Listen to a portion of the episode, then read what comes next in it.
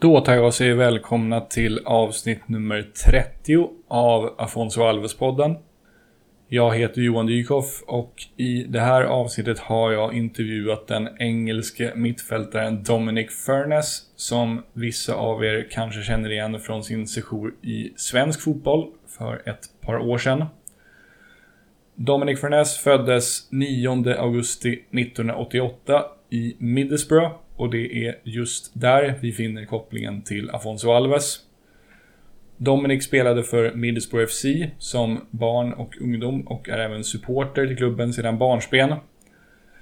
Ända upp till A-laget nådde dock aldrig Dominic och efter en sejour i skotska Hibernian som ungdomsspelare bar det 2008 av till USA för studier och fotbollsspel på West Texas A&M University i Canyon i norra Texas. Dominic presterade mycket bra från sin mittfältsposition och stod för imponerande 32 mål och 12 assists på 61 matcher. Tidigt under 2012 skrev Dominic på sitt första professionella kontrakt och han gjorde då som ett inte helt obetydligt antal för detta collegespelare i USA och flyttade till Island. Han skrev på för klubben UMF Tindastol i Islands motsvarighet till Superettan, men flyttade efter en säsong till FH som spelar i högsta divisionen på Island. Efter en säsong i FH gick flyttlasset vidare till Sverige, där Dominic spelade en säsong för Ljungskile i Superettan och en för Linköping City i division 2 södra Svealand. Efter de två säsongerna i Sverige bar det av till varmare breddgrader för Dominic, som 2016 spelade för thailändska Chamshuri United och nu senast 2017 för Box Hill United i Australien. Tiden i Australien förstördes dock av en olycklig skada i Dominics första match och efter det kunde han inte spela något mer där. För stunden befinner sig Dominic hemma i Middlesbrough och tränar med lokala lag och överväger vad han ska göra härnäst. I den här intervjun pratar vi en hel del om Dominics relation till Middlesbrough FC, men även om hans egen fotbollskarriär som har tagit honom runt hela världen i det här laget. Några saker ska jag säga innan intervjun drar igång. Eh, dessvärre blev ljudet inte något vidare i den här intervjun. Dels blev det lite burkigt, sådär som det kan bli, och dels hör man ett lite skrapande ljud under andra halvan av intervjun när Dominic pratar. Eh, sen blev det också lite förvirring när Dominic tog ut sin topp 7-lista. För jag sa fel under listans gång och sa att han bara hade listat fem spelare när han i själva verket var uppe på sex stycken. Så då blev det så att han totalt listade åtta spelare, men det löste jag genom att klippa bort hans utläggning om den sista spelaren. Men för sakens skull kan jag i alla fall här och nu nämna att det var hans gamla tränare Mark Proctor. Det var väl allt som behövde sägas i det här läget tror jag. Så nu rullar vi igång intervjun med Dominic Furness.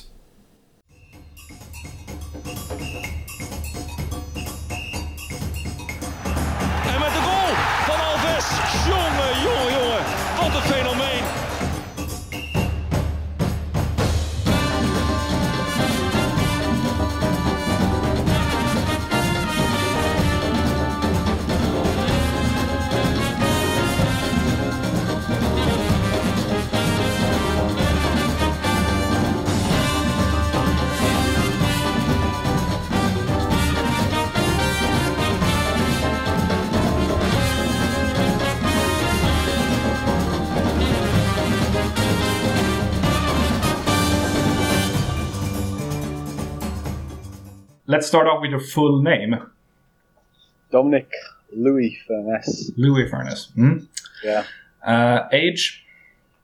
I'm 29 right now, even though I look a, little, a lot younger. You turned 30 this year, right? Yeah, 30. I'll turn 30 at the 9th of August. Mm. Yeah. Uh, hometown and current city of residence, respectively. Right now, Middlesbrough, Mhm. Middlesbrough, England, but I've, I've been bouncing around all over the world. Like I said, Texas, Iceland, Sweden, Thailand, Australia, back to Texas. So been all over. Yeah, Brilliant. Yeah, quite a journey. Yeah, quite a journey. yeah, Not o- it's not over yet, Johan. It's still going. Yeah, I, I, I hope so for your sake. Uh, favorite team or teams uh, in football? It'd be uh, blasphemy if I said anything else but Middlesbrough. hmm Fortunately, we're not doing so well right now. Um, we just brought in Tony Pulis. We got rid of Gary Monk, so we've gone from one extreme to another as far as like footballing culture to a long ball culture. You know, Tony Pulis is renowned for his Stoke days, and that's what he's he's trying to bring into Middlesbrough. And I think it's just a bit of a tough time with the with the team right now. But yeah, Middlesbrough. Although I, do I do love any passing team. So with you know if you you say like Barcelona or someone like that, then you know how can you not how can you not Mhm. love them? Uh, favorite player or players of all time? all time. Paul Mhm. Scholes, best English player of all time for me. Fantastic, little genius. Uh, Yeah, he is um, in in Sweden. He he's got a bit of a bad reputation because uh, when Sweden played England at the old Wembley, he uh, yeah? he re- made a really nasty tackle on one of uh, the Swedish midfielders. yeah. Uh, which midfielder was that? It was uh, Sounds about right. Håkan Mild. Uh, that was in, in the late 90s. Yeah, that sounds about right. That's a typical Paul Scholes tackle. He's renowned for them for being a brilliant footballer, but with some terrible tackles. Like just, but he's not known as like a malicious player, just a, a bad timing of tackle type of player. You know, like. Yeah. But although, like, if you read into it, if you read into like um, the Manchester United camp and like the early days of Ronaldo, like these tackles were were not mistimed; they were kind of calculated. and one hell of a passer and also a great, Oh, great technique. Yeah, yeah, fantastic passer, great technique, striking the ball, vision, everything. You Mhm. know. Yeah, we we need we need a player like that right now in England. We get that, and we we got a we got a chance for the World Cup. It's coming home. well, that's that's what to say every, every, every year. yeah, that's, what- yeah, it's typical English, isn't it? yeah. Yeah, we're gonna win it this year, but nah, we always feel miserably. uh, Yeah. can you name one or one player or a couple of players who you don't like for some reason? Don't like. hmm Uh, I couldn't honestly. I couldn't think of any off the top of my head. hmm Could not. If I think of anyone throughout the podcast, I'll tell you. But Yeah. Okay. I have. Yeah. Um, is there any aspect of football that you don't like? Maybe a type of behavior from players or anything like that that you Yeah. that you don't like? Um, yeah, there's, there's, it's like a big like English cultural aspect. Like I, I don't like, um, especially it's the further the lower down you go in the leagues, the, the worse it can it can be. Um, as far as like you know the the attitudes and the egos and it just it gets involved. It's just, but the higher up you go, the better it is. So. I think it's just people dealing with their own insecurities and then pushing on other people, which is, is terrible. It's, and it's rife in English football, unfortunately okay. at the lower levels. Yeah. Um, which would you say is your best football experience so far, either as a player or as a fan? Well, um, living in living in Bangkok, Thailand, playing football there was fantastic. But I don't think I could beat the one game I played against Hammarby in the Superettan. Still, I think it still holds the the, the biggest game in Superettan history. Ljungskile against Hammarby. I think we were top of the league. They were second, Yeah. and we tied them to 0-0. That was that was a fantastic experience. Yeah, really good. Um, can you name one like football related memory that you'd like to erase? Football, ah, injuries. Mhm. all of them. But in a way, I wouldn't erase them because you learn from them. So, um, but as far as happening, yeah, I think every every player hates injuries because it's just it just you feel like helpless and it just sets you back and you feel like you could have done so much more. But that's that's just football and you just gotta Mhm. learn from it. On. Um, favorite shirt number as a player? Um, I don't think you get past number ten to be honest. Uh-huh. But uh, yeah, number ten. You had it in Right. co- in college, right? Yeah, I had that when I was at uh, West Texas. Yeah, I was I was the I was the ten there, and then once I started playing in Iceland, um, I realised that I didn't I wasn't quite good enough to be the ten anymore because I was playing alongside like uh, Bjorn Daniel Sverrisson, who was like Icelandic national team player now, fantastic player. And then when I went to Ljungskile, I was like Jonas Lindberg was number ten, fantastic player. So yeah, number ten, yeah, for sure. Yeah. Yeah. Um, which would you say is your favorite sport besides football? Oof. Favorite sport?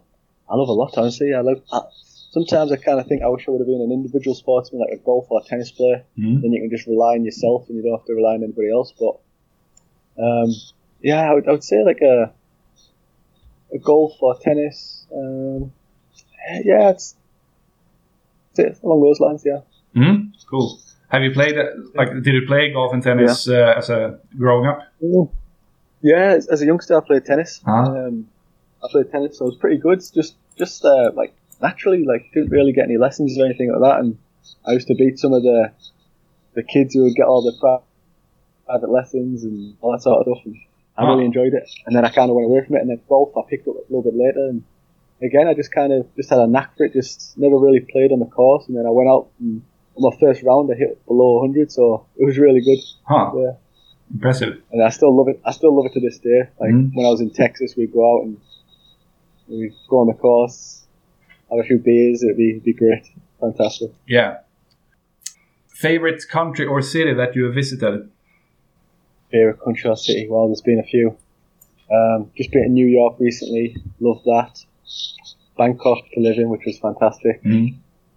Um, Sydney, Melbourne, Stockholm, Gothenburg. Wow. Uh, It's tough San to pick one, right? It's tough. It's tough to pick one, honestly.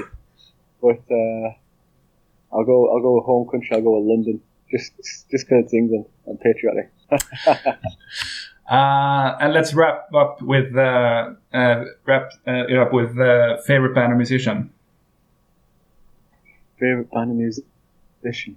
Um, oh, right now, I, when I'm working out, I listen to uh, a guy, guy from England called Bugsy Malone. It's like uh, an English rapper. He got, he got some, he's got some good tunes. I'll go, I'll go with Bugsy right now. Are there any well-known uh, musicians or bands from Middlesbrough? Middlesbrough, yeah, we had um, we had, we had a few. My younger brother Theo, he was a more into the bands and stuff like that, but he he would know them, but I couldn't tell you off the top of my head on. We, there's a few from around here for sure. Okay. Yeah, One of my favorite bands uh, are from Bradford. How, how close is that to Middlesbrough? but no, it's not far. Yeah, yeah it's probably about an hour forty-five, Okay. just south. Yeah, close close to Leeds. Yeah, Yeah, I think I figured because of because their accent is pretty similar to yours. So yeah, yeah. It's more northern, isn't it? It's uh, yeah, a thicker, thicker. Sometimes hard to understand. sometimes yeah. Yeah, yeah. Um, So that was a like short um, uh, questions about you. So let's move on to the main part of the interview. Uh, to start off, for those listening to this who may not know that much about Middlesbrough as a city, how would you describe your hometown to them? Middlesbrough. Mhm. Um, I think like after being away for ten years or so that I've been away, coming back and you really appreciate it. It's got everything, you know. Like the last you know few nights I've been out playing football with different teams. Um, you know, it's got a good non-league scene. It's a you know quite a a busy you know like town centre. You know, there's sh- a lot of shops. Um, it's it's got everything. It's just it's like a small like a small city. There's a, there's quite a lot to do for not being a big city in the UK. So yeah, I think I think it's quite a nice place. Although it's quite it's regarded as quite a, a bad place in the UK because of Mhm. like crime rates and unemployment. But I, I I genuinely quite like it. I think it's a, I think it's a great place. How many people live there? It's like it's 150 something, or Yeah. 150 in Middlesbrough, but then you have like Stockton and the other areas around it that don't get counted in the census. So you're probably looking at like close to like quarter of a million. All, all, all these towns in Middlesbrough are joined on. It's like everything is sprawling out, and then you know you go to Durham and up there, and it's it's connected all the way pretty much. So yeah, it's it's, it's bigger than it's bigger than it seems for sure. yeah, apparently. Um, Yeah. What did uh, football in general and Middlesbrough FC in particular m- mean for you as a kid growing up? everything, Mhm. everything. Um, me, my two brothers, uh, we all played for Middlesbrough growing up. Like from the age of eight, seven or eight, we were picked up and training four times a week.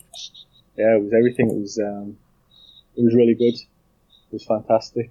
Had the big facility of it, probably the best facility. I think Gary Neville said at the time, and I think this was back in 98, 99 when it was just built. He said, he said the England team, team trained there, and he said probably the best facility in Europe at the time, and that's when I was I was training. And that was fantastic, brilliant. hmm Yeah. How old were you when, when you uh, attended your first Middlesbrough game? Do you remember that? Um, yeah, back in Ayresome Park, I think uh, we played against Manchester United. Um, I went there with my dad and a few of his friends. I remember Mark Hughes scored a goal. Uh, I can't remember much else, but I think I think we got beat. But it was a good experience for sure. Yeah. So that must have been like the mid '90s or something. Oh yeah, yeah. That was probably probably early nineties. I was probably I was probably like five or six because I remember it hurt my ears because it was so loud. So yeah, yeah, I was young for sure. Yeah. What are some of your best memories as a Middlesbrough fan? Middlesbrough fan? Wow. I think we had those, you know, league final. Getting there is just something else. Even though we got smashed by Seville, we're just getting there. That's you know that that's big. That's really big. Mhm. Also, I was at the the game where we won the Carling Cup, the League Cup in Cardiff. We won against Bolton. I was at that game. Um, Zenden scored the penalty. Gareth Southgate was captain. Yeah, we had a, we had a bunch of good players. Yeah, that was probably those two. And that was in that was like the early 2000s, right? 2003 or something. Yeah, that was. I think that was um, probably about 2005, 2006. Oh, Okay. Yeah, around, around that time. Mhm. Yeah. Yeah. Um, so what comes to mind when you hear uh, the name Afonso Alves? Alfonso Alves, hmm unfortunately, as, as a as a Middlesbrough fan, you know, he didn't quite live up to expectations. hmm It was kind of a, a feel around Middlesbrough that when he got here, I don't know, I don't know what happened. You know, it's it's a hard league to come into the Premier League, and it's a it's a different culture. Um, it's probably not as an easy culture to adapt to as the the Swedish or maybe the Dutch, which he excelled in, and obviously a tougher league. But kind he kind of didn't do himself justice. I feel at Middlesbrough, unfortunately. But he, he showed his class at times, but it just didn't consistently have it. And also back then, uh, I can imagine that it was difficult for him because Middlesbrough uh, they weren't a, a very good team at that at that point. They were Of relegated course, in yeah, his yeah. second season. Exactly, yeah, you know. So if you're if you're a number nine, if you're a striker, and you're playing with a bad team, you know, you're only as good as the amount of chances you get to put the ball in the net, and he probably wasn't getting many of those chances. So there you go. Like we had Negredo the season we just got relegated and in the Premier League, and you know he when he's at Man City, he scored a bunch of goals. But what can you do if you if you're on the worst team most weeks and you've been defensive? You don't get the opportunities. Of course, as a striker, you're not going to be able to show what you got. So Yeah, yeah, definitely, you're right. it really is a shame because he, as I, as I said before, he's he still has a fantastic reputation here in Sweden and even more so in the Netherlands. So it, it really is a shame that things didn't work out better for him when he moved on. Yeah, and I think everyone had such high expectations of him, so I'm not sure if that played a part. You know, if that was for him. I, I doubt it was. But what, I, I don't know what happened. You know, you, you don't know what goes on behind the scenes with football clubs and football players. But yeah, unfortunately, didn't quite reach his potential in England. No. Quite sadly, which you uh, never want to see of any footballer. And I, th- I think it was the most expensive signing ever for Middlesbrough at that point. At, at that point, yeah, for sure, definitely, yeah. So that that brings that brings some some expectations, of course. Yeah, yeah. I think that was 2008, right? That you came. Yeah, exactly. Yeah. January Yeah, okay. 2008. January, yeah, 2008, right? Yeah. Yeah. Uh, so uh, my, my younger brother was, and he was in the youth team at the time, so he, I think he got to train, train against Alfonso, and he got to train against Mendieta. You know, uh, sometimes when they were coming back from injury, they'd put them in with the reserves, and yeah, he said it was a great experience. yeah, I can imagine. Gaizka Mendieta, he was, um, he was like European Player of the Year, and then for whatever reason, he was, he was dis- disregarded from the first team squad, and he, he was the whole season he was made to train with the Middlesbrough reserves. Like, what is going on there? He's probably the best player in the in the team at the time. So, you know, like I say, you don't know what's going on behind the scenes in football. Yeah, right. Strange. He also had a Yeah. strange career because he, I remember he he moved from Valencia to Lazio and he- and he didn't do very well there. And I guess Yeah. because of Yeah. his because of his um, because of him not really working out at Lazio, he was Middlesbrough were, were able to sign him, and apparently things That- didn't didn't really work out there either. Yeah, well, exactly. Yeah, for Middlesbrough, like it didn't work out, but he still lives. He still lives in this area. I think he met his new wife, and he still lives in this area. And yeah, so good for him. Oh, he found God's home country, Yeah. northeast of England. um, let's move on and talk about your uh, career a bit. Uh, Yeah. can, can you explain how you got the opportunity to move to the United States and uh, West Texas A&M University? Yeah, so after after I got released by Hibernian from the, the reserve team there, I went on a bunch of trials here in the UK for like League One, League Two teams and 19 year olds. They're all looking for like experience and immediate impacts, you know, because such a cutthroat industry that you know they're not going to take a chance on a 19 year old kid as it was at the time. So Mm. my mate was playing Ben Everson. He's still playing in Australia now. He was playing over in Texas. Um, he went there the year before, and he told the coach about me. So the coach flew over to England, watched me play, and he watched my older brother play, who was a goalkeeper. And so he, he signed us both on on the scholarship, and we went over there, and the rest is history. Played four years there, and then went on to Iceland after that. Were you able to embrace the Texas lifestyle? I suppose living in Texas is a lot different compared to North Yorkshire. Oh, definitely a lot different. Uh-huh. A lot different. Um, a big, a big culture shock, but it was probably the best thing that I ever did because the ability to change and adapt and you know grow to a new environment. Yeah, like when we first got there, it was nothing but like cowboys. It was in the past. So this is 2008. If you think 2008, it was like 10 years behind. It was like it was like living in like before the millennia. That's what it was like there, like cowboys and all. It was, it was just weird, but yeah, it was, it was great. Such friendly people, nice people. A bit closed minded in certain aspects, but you know, nice enough. Um, but yeah, it was, it was fantastic, brilliant. Best best decision I ever did. Yeah. Did you um, like? Did you get get, get to experience any of the uh, American sports like American football and basketball and baseball? Yeah, those those things. Yeah. Oh, definitely. Yeah. Um, I, I, I got to go to one NBA game. I never got to go to an NFL game, unfortunately. But um, West Texas, they had um, football team, and they used to get like twenty five thousand Mm. just to their college university. Like every every week, like week in week out, they get twenty five. And then even like the high school football, like American football, they would get like twenty thousand just to high school to watch like sixteen to eighteen year old kids like throw the Sega about the twenty thousand. It was it was ridiculous, and it's just shows the, the support and the passion that everyone has for the sports over there. And they Oh, and they really follow the model like support your local team. Like high school sports and college sports are so big Oh, in the yeah. in the states, especially Yeah. in those small in those small towns. Yeah, school spirit. Yeah, Yeah. they're all about the school spirit and the pep rallies and all that sort of stuff. Yeah. Yeah, it was definitely it was definitely unique. It's a completely different mindset to to Europe, which is it's fascinating. Yeah. it was, it was good. It was really good.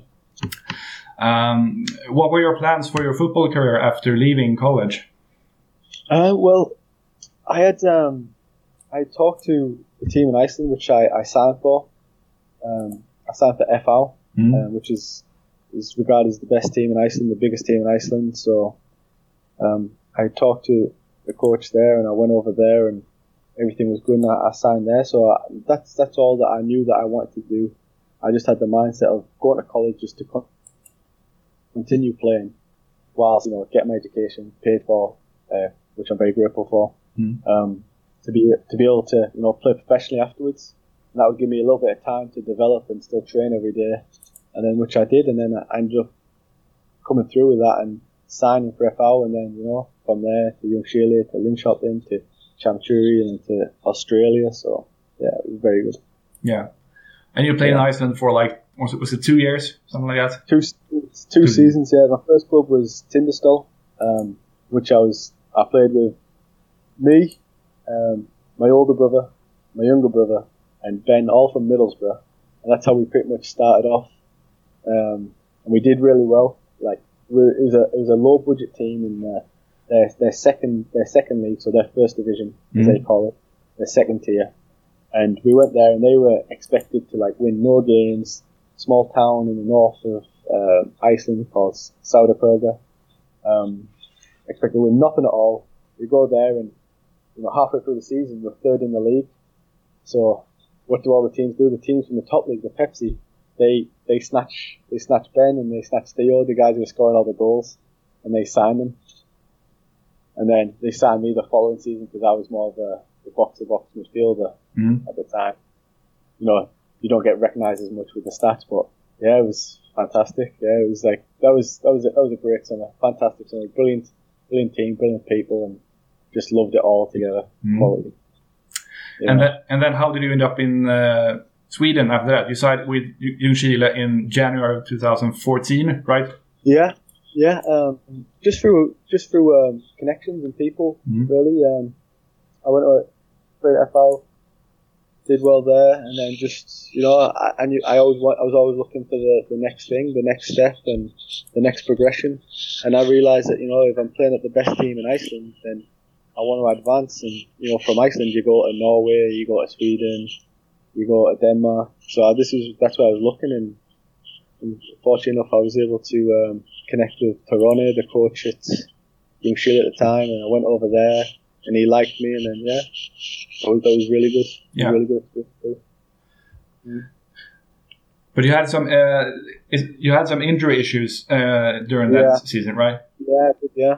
Unfortunately, um, started off in pre-season. I was I was flying. I was doing really good.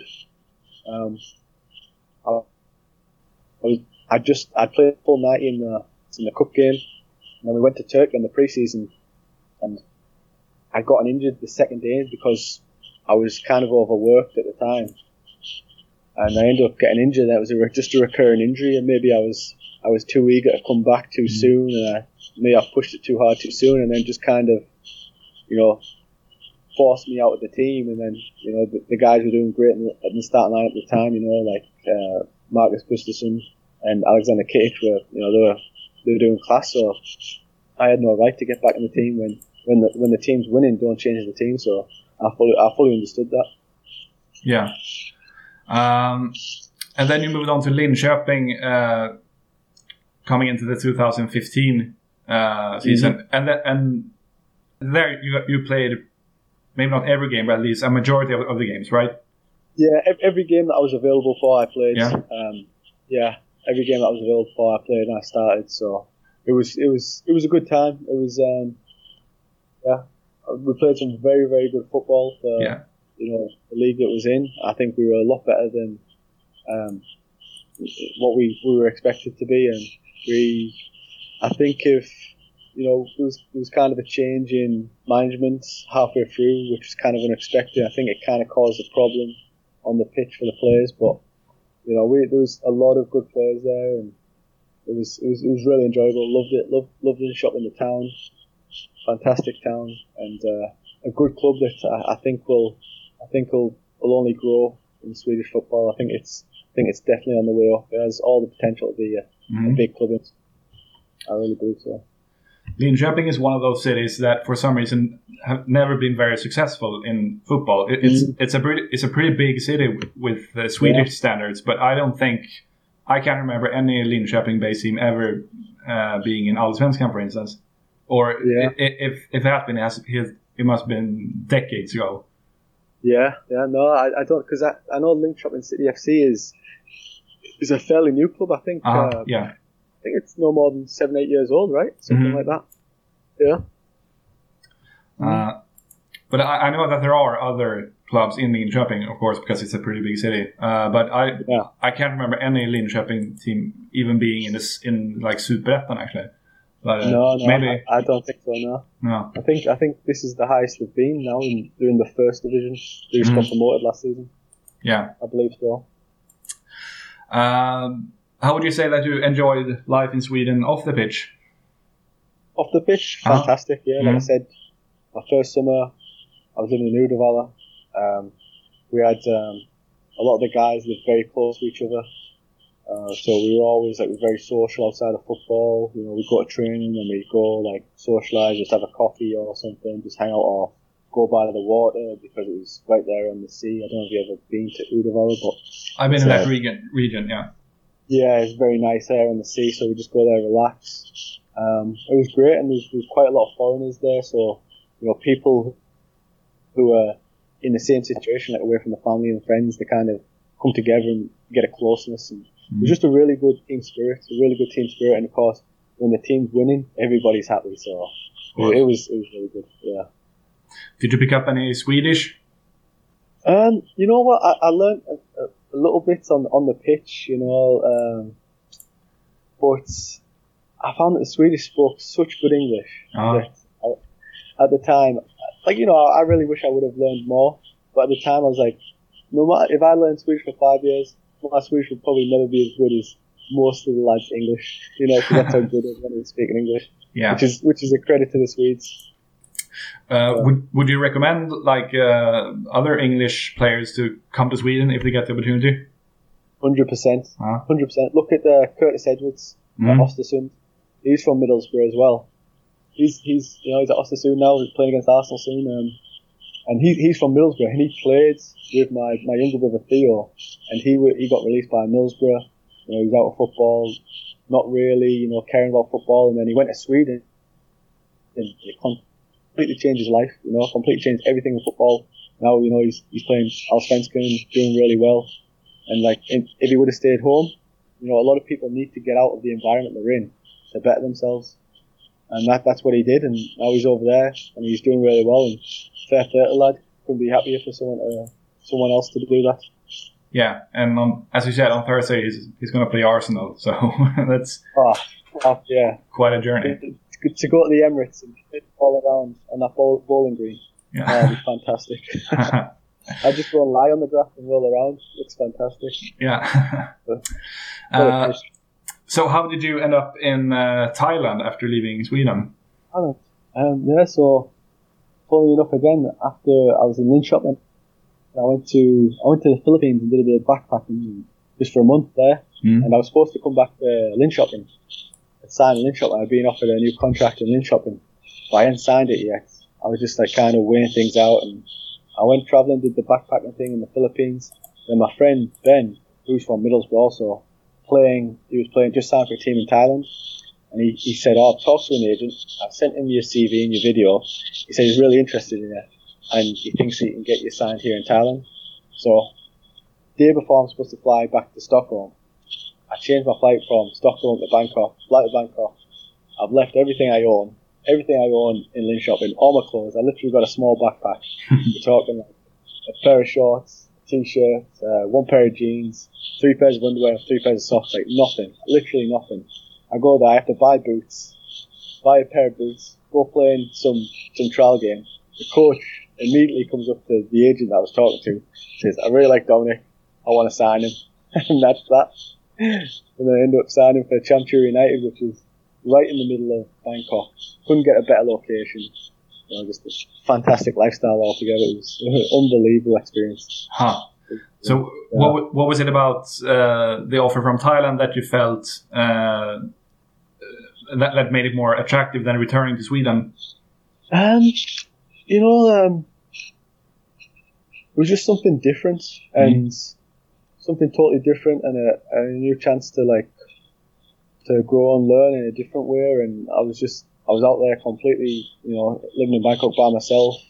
And the football was different, it was, and it was also very enjoyable. Like it's a very technical style. Mhm. It's it's very possession based. It's it's it's not as good as the European, of course, but they are they are they are catching up, but they, they don't quite have the, the work ethic and the discipline that you know the Europeans have, or the you know maybe other countries. But they, they are some very very good players, and I just really enjoyed it. My time there when I was training with the team, I liked the lifestyle, and I just thought you know I could I could definitely live here. And plus, the coldest day of the year is there is 18 degrees, so I was like, all right, this is this is an easy decision. I can go back to Sweden. It's minus 10 right now. Ooh, I can yeah. stay here where 25 degrees most days or 30 degrees in the winter. So yeah, you can cope with that. Definitely. yeah, I- I'll, I'll be alright with that. I can go I can go down down on the, the corner shop and I can get a meal for, for like 10 crowns, kronas. So yeah, brilliant. Lived it. You've really been on like the very opposite sides of the spectrum in terms of cultures and climates with your spells in Iceland and Thailand. Yeah. Uh, oh, yeah. Oh, yeah. Yeah. if you had to live in either Iceland or Thailand for the rest of your life, I suppose you would choose Thailand then. I, I'd, I'd probably have to. yeah. But ah, it's, yeah, it comes with it comes with both though. You know, like you can go to Thailand and you get the, the beauty of the weather and the lifestyle, but you know, then you got to think about the future and the economy and all that sort of Mhm. sort of stuff that comes with it. And then you live in Iceland; it's such a safe, secure place, and it's a lot more reliable, a lot more stable. So yeah, there's, there's pros and cons to them both. That's a, that's a hard decision. Mhm. uh, so, so uh, you spent the last year in uh, Melbourne, right, in Australia? Yeah, Yeah. I uh, I went to Melbourne. Kind of same thing happened again. I went to Melbourne and uh, Josh Bragg, who I played with in Linköping, Mm. he'd signed for a team in Melbourne. I got in touch with him, and he was like, "Yeah, there's this team, Box Hill United. They're looking for a centre midfielder." I went down there, did one session. Coach, they brought me into the the, the meeting room afterwards. All five co- coaches, and they're like, "Yeah, we want to sign you. What do we need to offer you?" So I was like, "All right, I guess I'm going to live in Melbourne now." Yeah, and that was that's a brilliant city as well. Fantastic. Yeah. And what was your time there like in terms of um, in terms of football? Um, it was rough actually, um, because it was I signed at the middle, and I did the preseason, and then I started in the game. And 30 minutes into my first game, I go into a 50-50, and unfortunately, I uh, I got injured, and I, I was out. You know, I was out from there on, unfortunately. But that that's that. That's football. Yeah, What sort of injury It was was- it? it was just a compact injury to the ligaments in the bottom of my foot. Oh, okay. But it's all good now. I'm, I'm back. You know, there's no problem. So, but yeah, these, these things happen in football. You just got to learn from them and put them behind you and move on. Yeah. Frustrating as hell, though. I I, I oh, suppose. yeah, ter- terribly frustrating. Like you put you put everything into your training, like your life, your lifestyle. You know what you eat, everything. Your whole day it revolves around. You know, for, for weeks, months, and then one moment. You know, like it could be a bad tackle, or it could be you know like just an accident, and you know then all that work is just undone in a second. builds character, it builds toughness. Like uh, you got to be resilient, and you just got to learn from it. Like I Yeah. said, and, and grow from these experiences. Yeah.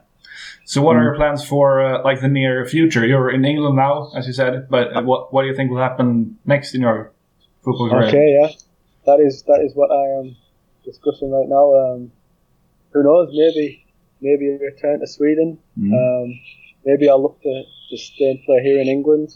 Um, I've talked to a team in Iceland, but it's still kind of early in Iceland. So right now it's just open. I'm just I'm just looking at the possible options and trying to assess which which will be the best and which I will you know most enjoy ultimately, and because yeah, that, that- I'm just assessing things right now and just see see what comes from it in the next week or so. Okay. How long do you see yourself uh, continuing to play? Honestly, Johan, I, I just want to play as long as I can Mm. because I want to go into coaching afterwards. That's that's where I feel like my, my true calling will be. Um, because in coaching you can't get injured, you know. No, slow you down. So. so, but I think as long as I can keep playing, I can keep learning and keep growing, and, and then once I become a coach, I'll be able to use all this knowledge, all this experience that I've gained throughout playing, like dealing with people, understanding football, and be able to apply it into my coaching. Um, during all these years, these years of um, living abroad, how have you uh, followed Middlesbrough FC? It, it, it gets tough, honestly. It, Yeah, like for example, when I'm in when I'm in um, when I'm in America, the games are on very early in the morning, and if they're not Premier League, they're not getting shown. So you know it's hard to see them. If I'm in if I'm in Thailand, then they're later at night. So it, it, it, it's tough, yeah. And in Australia, it's basically impossible because of the time difference. Mhm.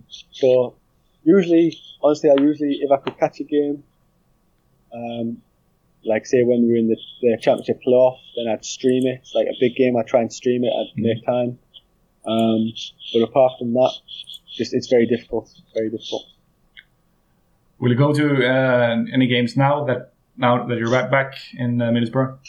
Yeah, definitely. Yeah. Yeah. Um, I don't know who we play next, but I'll make a point to go because I think there's nothing better than watching live football, especially um, you know your hometown. So I'm definitely going to make a point to go back. For sure. Yeah. They're actually only four points behind the the playoff spot, so it's not. Oh, it, yeah, it yeah, doesn't yeah. look that bad. Yeah, right. And but e- everyone in Middlesbrough's like, oh, we're such like it's such a pessimistic, negative culture. Uh, people are just like, oh, we're terrible, we're rubbish, we're not going up. I'm like, this is the championship, you know. Like you you string together a, good win streak and you're in the playoffs, and anything is possible, you know. So, but the, like typical English, especially the, like the northeast of England, everyone's just so so miserable and like down about everything, and people almost don't want the team to succeed. It seems, which is a very strange, very strange concept. I actually actually um, read an article on the Ostersund coach, the guy from uh, guy from Leeds, it's Graham Potter. Uh-huh. He said when he first got to Ostersund, the fifth division, and he said there was I don't know. He said there was like 300 people at his first game, and he said he felt like half the people didn't want the team to win, and that's kind of how I feel with Middlesbrough. But he's he's he's been able to change that culture there, which has been fantastic, brilliant, brilliant to see. And he he left English football to get his chance in Sweden, and you know look what he's done, Yeah, fantastic, unbelievable. yeah. I think he got Yeah. the Coach of the Year award uh, Oh. in Sweden last year. Definitely, Yeah. definitely. But I can tell you one thing: the Sunderland fans they would switch places with Middlesbrough in a heartbeat because they're like second to last or something. Definitely, no, they, they they can stay where they are. They're useless. What a rubbish club. What a, what a, what a waste of a club. Waste of a stadium. It's a big stadium. What a waste. Ah, terrible. are, are they like are Sunderland? Are, are they uh, like the main rivals of Middlesbrough? Yeah, yeah, because they're the closest, so they're, Ah. the, they're the main. Um, but they they their their main rivalry, rivalry is Newcastle. Oh yeah, Yeah. right. Yeah. We have we have Newcastle, Sunderland, and Leeds, but yeah, yeah, Sunderland's we, we don't like this. Yeah. The, the Mackems. They call them. Um, you know what? I think we're we've reached the final segment of the interview, which is um, the top seven list, and this is a recurring segment. Uh, and in it, so in every interview, I ask the interviewee to uh, present a top seven list on a topic Yeah. that I choose on forehand. And can you guess uh, why it's top seven and not top five and top ten, which is more common when you pick this these sorts of lists? Top seven. Because I won number seven at Ljungskile. Oh, that's a, that's a good one. I didn't think of that one. Uh, No. yeah, yeah. It, it's actually Yeah. uh, it's actually uh, because uh, Afonso Alves he he scored seven goals in a game in the Dutch league. Oh, yeah, I remember that. Wow. That's, They won uh, nine 0 and he scored seven goals, which is still, uh, of course, a, a record in the Dutch league to this day. It's uh, just over ten years ago, so it's it's sort of a celebration of that achievement. This this segment. oh, okay, brilliant. brilliant. Yeah. And I asked you to, to pick your uh, top seven Middlesbrough players during your time as a fan. Uh, As a fan. yeah. So you can basically uh, you, you can you can basically start from the bottom and just also j- just um, say a few words about each player, like why why you Yeah, like yeah. that particular player so much. Should I be a sellout and put Afonso Alves number one? Well, that would uh, Just a bit- it goes against what you said before, but feel free to do so I, if you like it. I won't, I won't go against my own opinion. You know what? I'll go with. Also, I'll go with number one for me. I just I love him as a player. I think he was a he was a technical genius, and he won European Player of the Year. Played for Barcelona. Fantastic player. Totally underutilized by Middlesbrough. Gaizka Mendieta. Fantastic player. He's a little genius, and um, you know I, I used to hear the stories from the lads who played with him, like, like my younger brother Theo, would train with him quite regularly and just say, you know, you couldn't get anywhere near him, anywhere near him. He'd score from everywhere, and whatever team he was on in small side, he would win. So I'd have to say, Gaizka Mendieta, fantastic player. And also probably one of the best penalty takers of all time, I think. Oh, I- really? I, I, he- didn't, I didn't know. He never missed a? He never missed a penalty because he had this he had this way of always he had he had the calmness to just see which way the pe- the keeper was going and then just easily uh, pick out the other corner. Yeah, just put it the other way. Just, Yeah. yeah, yeah, yeah. Technician, little technician, little maestro. hmm And speaking of little maestros, that leads me to number two, Yeah. Juninho Paulista. He's Mhm. like he's like if you ask any Borough fan, they'll probably see Juninho Paulista because he was the guy who came to Middlesbrough when there was like he was like one of the first foreigners to come to the Premier League and make a big difference. And he came in and he was he was sensational. So and he was he was just a little magician. You know, he's probably about five foot five, probably weighed about I don't know forty five kilograms, but you just couldn't get near him. You know, he just uh, quick over a few yards, technical, yeah, little little genius, highly intelligent player. So yeah, And he, he, he also signed for Middlesbrough like three or four times, didn't he? yeah, three times. Yeah. Just because he's a legend, you know, just because he's a legend, and the fans loved it. You know, who knows? He, he was probably getting paid like Mars bars and peanuts for his third contract, but just because he's a Middlesbrough legend, they, they loved him. So it's like, yeah, we'll sign him. And they brought more people, like you know, more people to the games just to see Juninho. So yeah, Juninho. Yeah. Then number three, I'd probably go with um, Fabrizio Ravanelli because hmm. then he was one of the foreigners that came in and he he was able to he was able to bring something else to Middlesbrough. I remember going to see his first game. It was against Liverpool and it was at the the Cellnet at the time it was called, which is now obviously the Riverside. He scored a hat trick there, and it, it just it just give like when Middlesbrough's doing well, the town is the town is like on a buzz. It's on a different energy. Like everything kind of revolves around, you know, evol- evol- evol- evolves around the football team. So when he came in, scored a hat trick, it just kind of gave the whole place a lift for quite a while. And we, we went on a quite a run through the Premier League, and we, we stayed in the Premier League for probably a lot longer than we should have. You know, Mhm. Ravanelli number three. Yeah. I'm gonna have to go with um, number four, a local lad. I, I grew up like watching him, looking up to him. Um, he was a few few years older than me, and he, used to play in the centre of the park like me. He was a little technician, left-footed. Stuart Downing.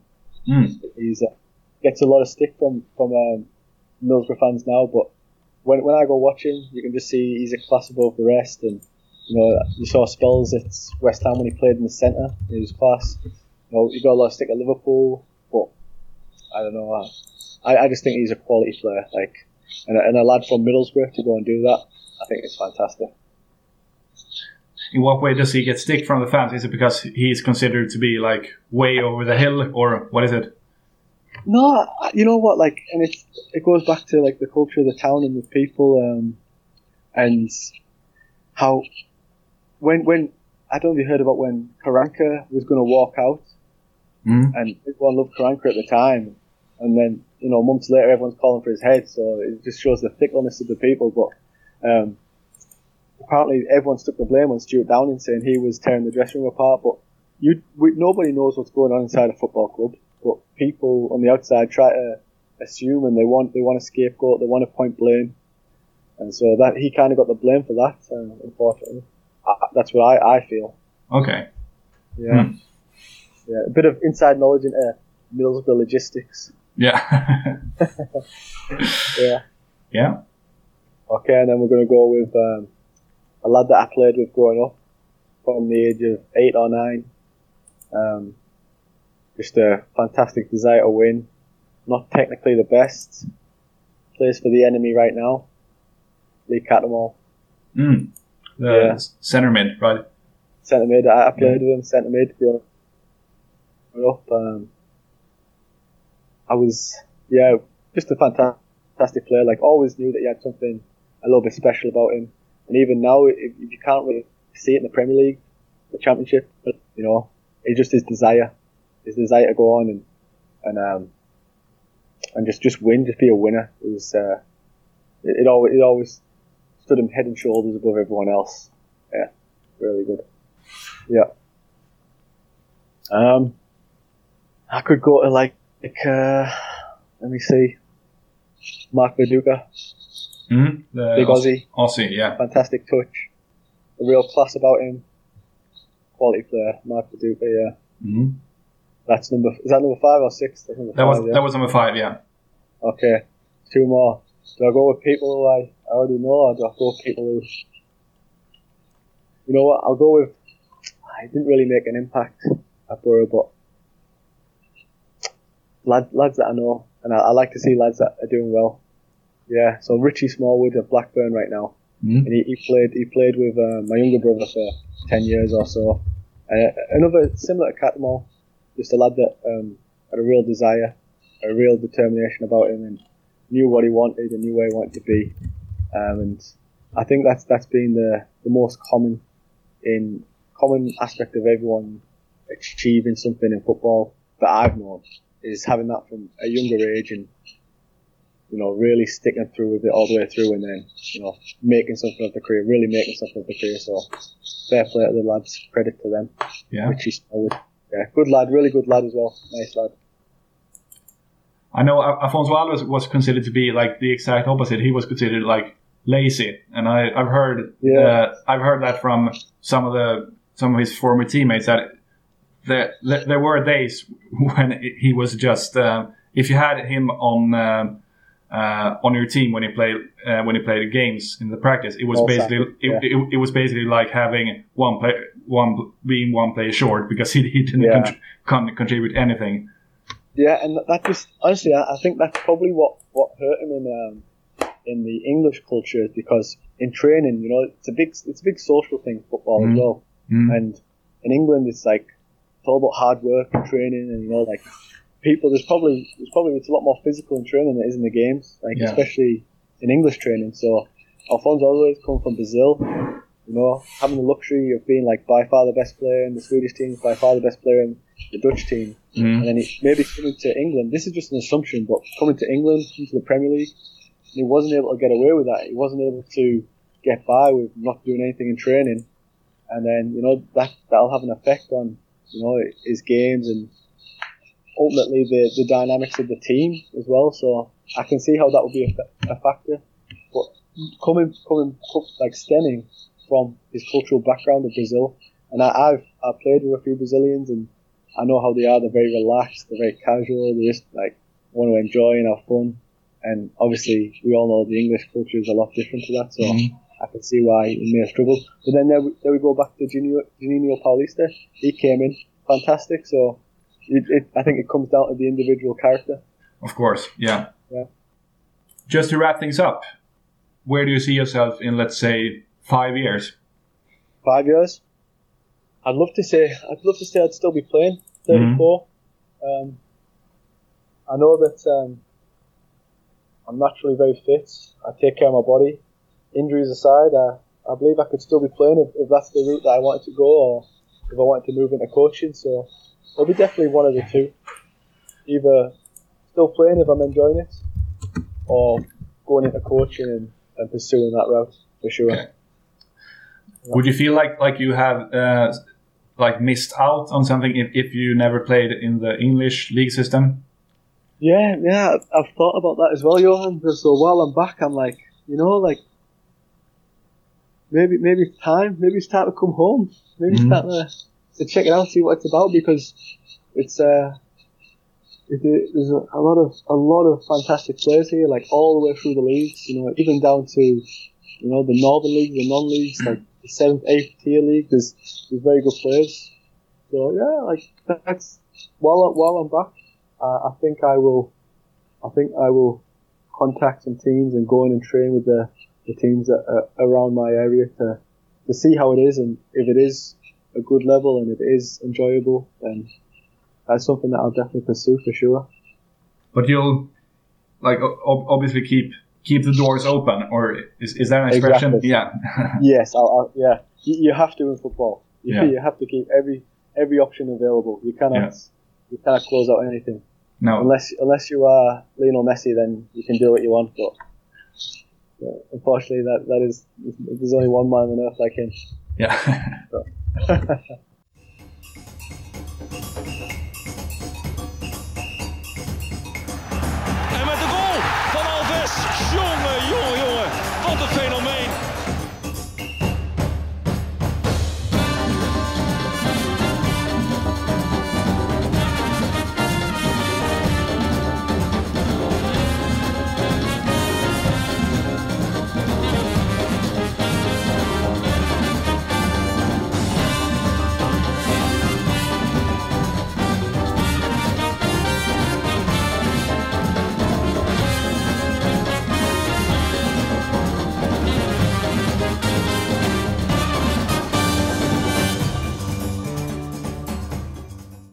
Sådär ja, då tar vi och tackar Dominic Furness för att han tog sig tid att ställa upp på den här intervjun och vi önskar honom givetvis all lycka framöver oavsett var hans fotbollskarriär tar honom härnäst.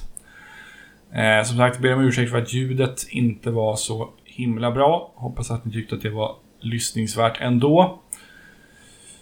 Eh, innan vi avslutar så ska vi följa upp förra avsnittets Afonso-trippel och även lägga in ett nytt bett. Det blev dessvärre förlust nu senast. Då hade jag ju spelat på att båda lagen skulle göra mål i matchen mellan Queens Park Rangers och Middlesbrough. Eh, och sen över 2,5 mål i Ajax Feyenoord och avslutningsvis rak seger för PSV borta mot Herakles.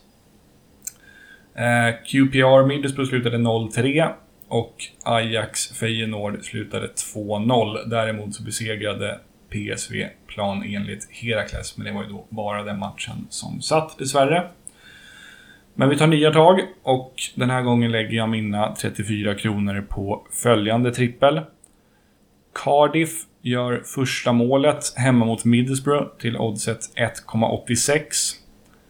PSV gör mer än 1,5 mål hemma mot Heerenveen till oddset 1,33. Och avslutningsvis Feyenoord leder i halvtid mot Herakles på hemmaplan till oddset 1,48. Totalt ger detta ett odds på 3,66 vilket multiplicerat med insatsen 34 kronor blir 1,44 kronor i potentiell vinst. Så vi håller tummarna för det och det här följer vi då upp i nästa avsnitt förstås. Eh, det var väl allt för den här gången. Håll utkik efter fler avsnitt, antingen på Svenska fans eller den iTunes-app som ni använder. Eller vad säger jag, den podcast-app som ni använder. Ha det så bra så länge. Tja tja!